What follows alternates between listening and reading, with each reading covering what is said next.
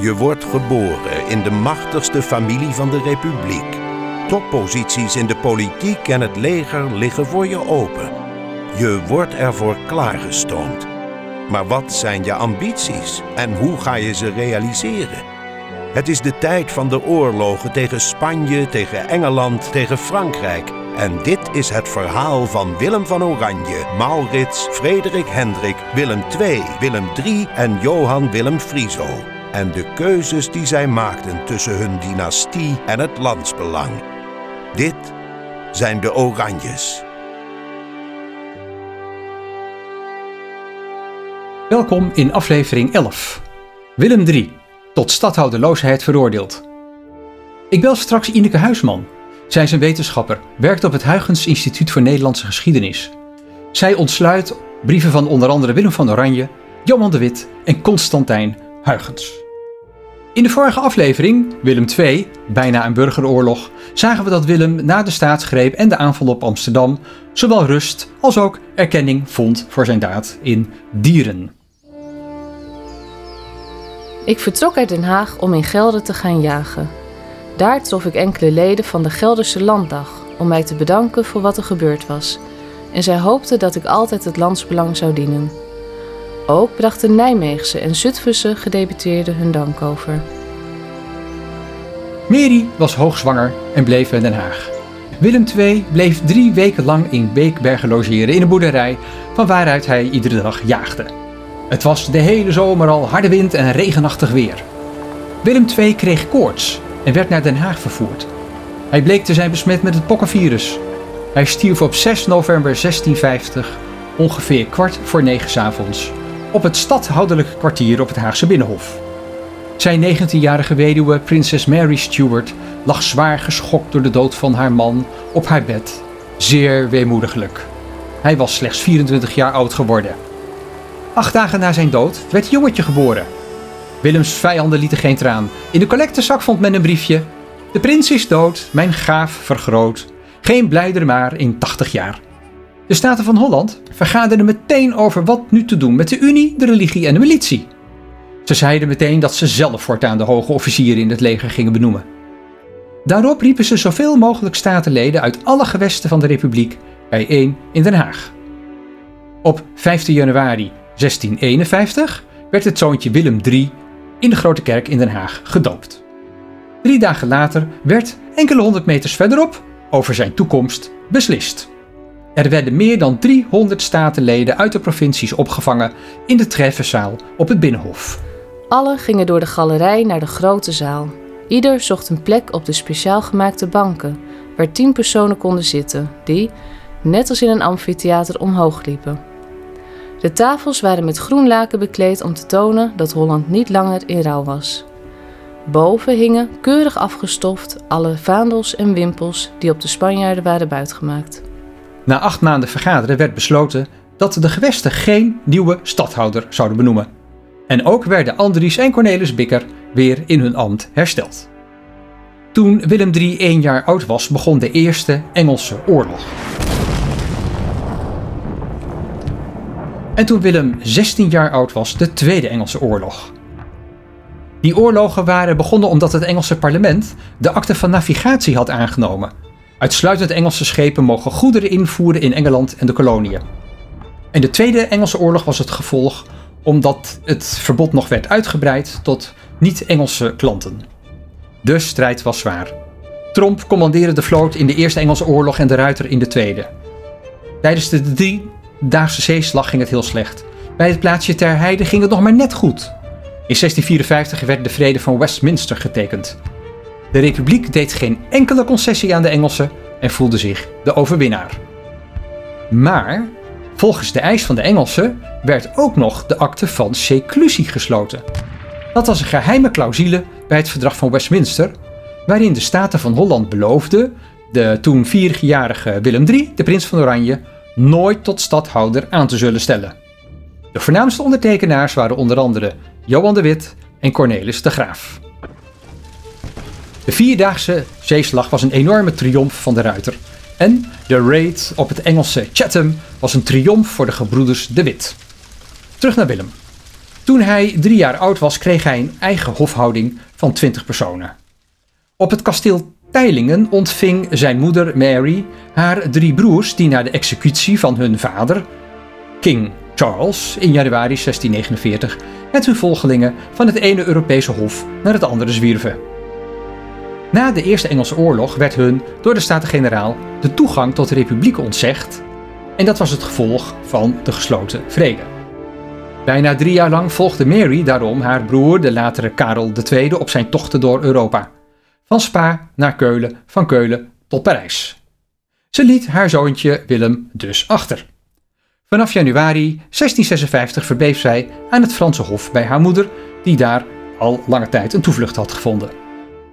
Pas een jaar later keerde Mary terug naar Den Haag. En Willem vond het maar niks. Zijn vader was overleden en hij was verstoken van moederliefde. Hij werd door de Staten-Generaal gekortwiekt en verraden. Later zei hij: Ik ben in tegenspoed geboren en opgegroeid. Afwisselend verkeerde de jonge Willem III met zijn moeder in Den Haag op het Binnenhof, of op het huis Honselaarsdijk in het Westland, of op het kasteel in Breda. Mary sprak alleen in het Engels tot hem. Zijn opvoeding was in handen van vrouwen, maar die deden zo weinig dat gezegd werd dat de opvoeding zeer was genegligeerd, ofwel verwaarloosd. Volgens de Franse gezant hielden de vrouwen de prins van zijn studies af. Willem had dikke pret met Lieselotte van de Palts, zijn twee jaar jongere achternichtje, en stoeide zo graag met haar dat er over werd gekletst. Nog toen hij zes was, werd hij op de arm gedragen. Alles werd aan de gouvernante, de Engelse Mrs. Howard, overgelaten, aan wie, zo zei hij, je me aan wie ik mij toevertrouw. De jonge prins leerde wel wat lezen en schrijven en kreeg godsdienstonderwijs van dominee Trichtland. Hij maakte een vrome indruk. Lichamelijk was hij zwak, te zwak om tot militair te worden opgeleid. Zelfs paardrijden was voor hem een hele klus. Toen Willem negen jaar was, werd Mrs. Howard vervangen. Tot gouverneur werd benoemd Frederik van Nassau-Zuilenstein. Citaat, berucht om zijn onhebbelijke grappen en los leven. Frederik was een bastaardzoon van Frederik Hendrik. Hij kon het uitstekend vinden met Willem III. Toen Willem 11 jaar oud was, stierf Mother Mary in Engeland, ook aan de pokken en aan bedorven longen. Willem was toen wees geworden. Hij kwam onder de hoede van zijn oma Amalia van Solms, van wie hij helemaal niet hield. Gelderland, alweer Gelderland, had al besloten de jonge Oranje voor het kapitein-generaalschap van de Unie aan te wijzen. Daarop vonden de Staten-Generaal dat men de wees maar eens moest gaan opvoeden. Er kwam een commissie van educatie. Het was feit, in feite toen nog een commissie van toezicht. Zuilenstein bleef nog wel bij Willem, ondanks de pogingen van Amalia om hem te verwijderen. Zijn gezondheid baarde wel zorgen. Hij had een hoge rug, zo hoog dat hij zelfs een tijd lang in het korset moest. Hij werd ernstig ziek, hard aangetast door een koorts die vier dagen en nachten duurde en het hele land alarmeerde. Willem was geen geleerd man. Hij was klein van gestalte, met benen en voeten als een kind, een hoge schouder en ingevallen borst. Maar hij had een sterke geest, een grote wil en eerzucht. Een Franse gezant viel het op dat hij zeer zwijgzaam was, een trekje van zijn vader, die men in het openbaar nooit zag lachen. Hij zag er wat vreemd uit. Zijn neerhangende oogleden gaven hem iets zwaarmoedigs. Hij had een bleke tent, een langwerpig gezicht met donkere, schitterende ogen, lang, zwartbruin haar en de krachtige Stuartneus, die duidelijk de vorm van de bek van een adelaar had. Arrogantie erfde hij van zijn moeder. Toen hij 14 jaar oud was, weigerde hij in Den Haag met zijn koets uit te wijken voor de Franse gezant. Willem had hem op de lange voorhout klem gereden, want de gezant reed altijd maar tegen het verkeer in. Willem meende dat zijn positie als prins van Oranje hem voorrang gaf bij het passeren. Beiden bleven koppig urenlang tegenover elkaar staan. Amalia redde de situatie. Dit voorval is wel typerend en bewijst dat de jonge Willem vastbesloten is, ondanks zijn achterstelling in de staat, zijn persoonlijke waardigheid met hand en tand te verdedigen. Feitelijk noodgedwongen ging men ertoe over om de prins tot publiek persoon te maken, tot kind van staat. Nu kwam er een tweede actieve commissie van educatie. Frederik van Nassau-Zuilenstein werd weggestuurd. Willem was zo verdrietig daarover dat, citaat, hij verliet zijn kamer nog zijn bed 14 dagen lang. Hij verzette zich niet tegen de opvoeding door de staat. Tot zijn leermeester werd zelfs de raadpensionaris De Wit aangesteld. Hij gaf hem iedere maandagmorgen les. Ze betoonden een buitengewone genegenheid voor elkaar. Soms speelden ze een partijtje tennis. Willem III en Johan de Wit, twee sterke karakters, verschillende ideeën over de politiek, maar met wederzijdse waardering. Tijd om eens even te bellen met Ineke Huisman. Hey Ineke, met Ronald. Hey, fijn dat je even tijd hebt. Zeg, vanaf 1647 vormden Willem II en Mary een huishouden. Kon zij wel goed met haar schoonmoeder Amalia opschieten? Nou, Frederik Hendrik, haar schoonvader, die had echt een zwak voor zijn schoondochter. Maar Amalia, die vertrouwde Mary van meet af aan niet. En dat was ook echt wederzijds. En toen Frederik Hendrik in 1647 overleed en zijn zoon Willem II stadhouder werd, mocht Mary de titel van prinses van Oranje gaan dragen in plaats van Amalia. Nou, dat hielp natuurlijk niet mee voor uh, de goede verstandhouding, zeg maar. Drie jaar later, in november 1650, wordt Willem III geboren. Klikte het toen wel tussen Mary en Amalia? Nou, toen uh, Willem II uh, in 1650 overleed aan de pokken hè, en kort daarna zijn zoontje Willem III werd geboren, uh, verbeterde die relaties eigenlijk nog minder. Want Amalia, hè, Mary's schoonmoeder, die wilde dat dat zoontje uh, de naam Willem kreeg. En dat was heel erg tegen Mary's zin in. Want die had hem naar haar vader en naar haar broer Karel willen noemen. Ze kregen ook oneenigheid over de voogdij. En uh, in augustus 51 uh, wees de Hoge Raad van Holland drie voogden aan. Aan de ene kant Mary, hè, de moeder, met één stem. En aan de andere kant, samen met één stem, Amalia en Frederik, de keurvorst van Brandenburg. Dat was een zwager van Mary.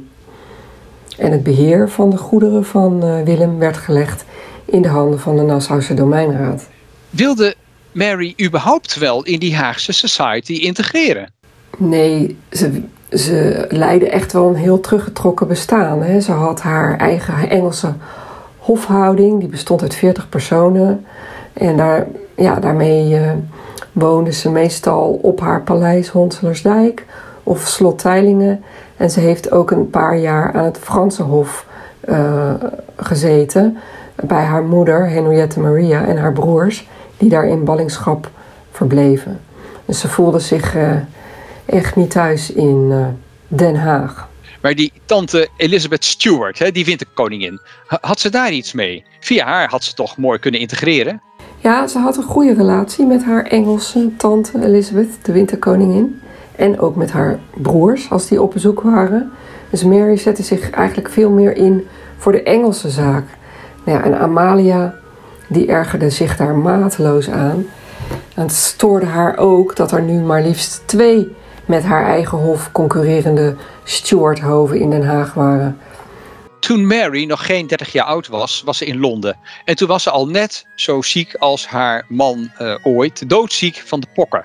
En ze zegt dan tegen iemand: Mijn grootste pijn was dat ik van hem, ze bedoelde haar zoon Willem III, moet scheiden. Oh, breng hem mijn zegen. Zei Ineke, denk jij dat dit echte moederliefde was? Want ze liet haar zoon toch jarenlang in de steek? Nee, dat kan ik me niet voorstellen. Het band tussen Mary en Willem was, wat we uit de bronnen weten althans, niet heel erg hecht. En ja, wat we, wat we ook weten, ze had hem in haar testament ook niet tot universeel erfgenaam verklaard. Nou ja, dat is natuurlijk ook wel een teken aan de wand.